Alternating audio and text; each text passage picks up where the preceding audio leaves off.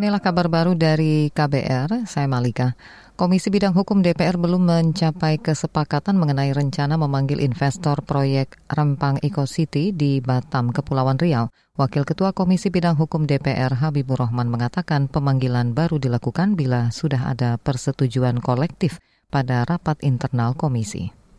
Enggak, belum belum diputuskan. Keputusan di komisi itu kan harus diputuskan bersama. Ya memanggil itu kan masih kesepakatan komisi, kesepakatan 54 anggota. Nggak bisa satu orang saja, DPR itu kan kolektif keputusannya.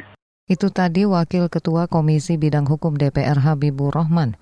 Sebelumnya rencana pemanggilan investor proyek pengembangan kawasan ekonomi baru Rempang Eco City diungkap Wakil Ketua Komisi Hukum DPR dari Partai Nasdem Ahmad Sahroni. Sahroni menyebut pemanggilan untuk mengusut dugaan adanya mafia yang bermain di proyek yang termasuk program strategis nasional itu. Saat ini proyek PSN Rempang Eco City menimbulkan konflik lahan dengan masyarakat. Proyek ini bakal berdampak terhadap warga di 16 kampung adat yang menolak direlokasi.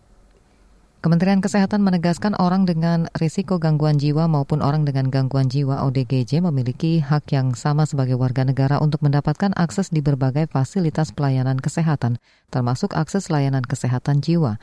Direktur Kesehatan Jiwa di Kementerian Kesehatan, Fensha Sitohang, mengatakan jaminan itu tercantum dalam Undang-Undang Kesehatan yang belum lama disahkan di DPR pelayanan yang harus mereka dapatkan, kemudian informasi yang lengkap juga harus didapatkan, kemudian e, bagaimana lingkungan yang kondusif juga untuk perkembangan jiwanya. Kemudian pengaturan e, tentang hak orang dengan gangguan jiwa dari aspek pelayanan, informasi yang lengkap yang harus didapatkan, kemudian lingkungan yang kondusif, kebutuhan sosial dengan tingkat e, gangguan jiwa, dan juga kesempatan mengelola e, sendiri untuk harta benda miliknya. Direktur Kesehatan Jiwa di Kementerian Kesehatan Vensyasi Tohang mengatakan mereka juga berhak mendapatkan lingkungan sekitar yang kondusif hingga transparansi atas data kesehatan serta persetujuan terhadap tindakan yang diambil dalam pelayanan kesehatan.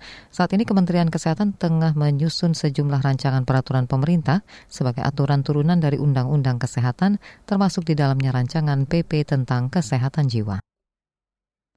Kita ke mancanegara, pemerintah Inggris berencana memperlunak kebijakan mereka terkait target emisi karbon 0% 2050.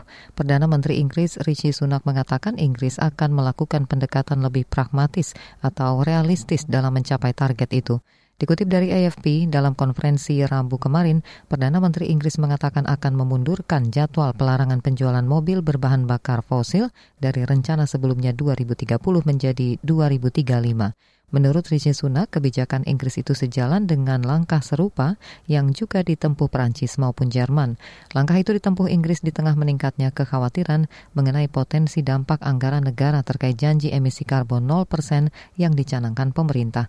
Kebijakan ini mendapat kritik dari LSM Greenpeace yang menganggap Inggris melakukan langkah mundur dalam membuat kebijakan iklim.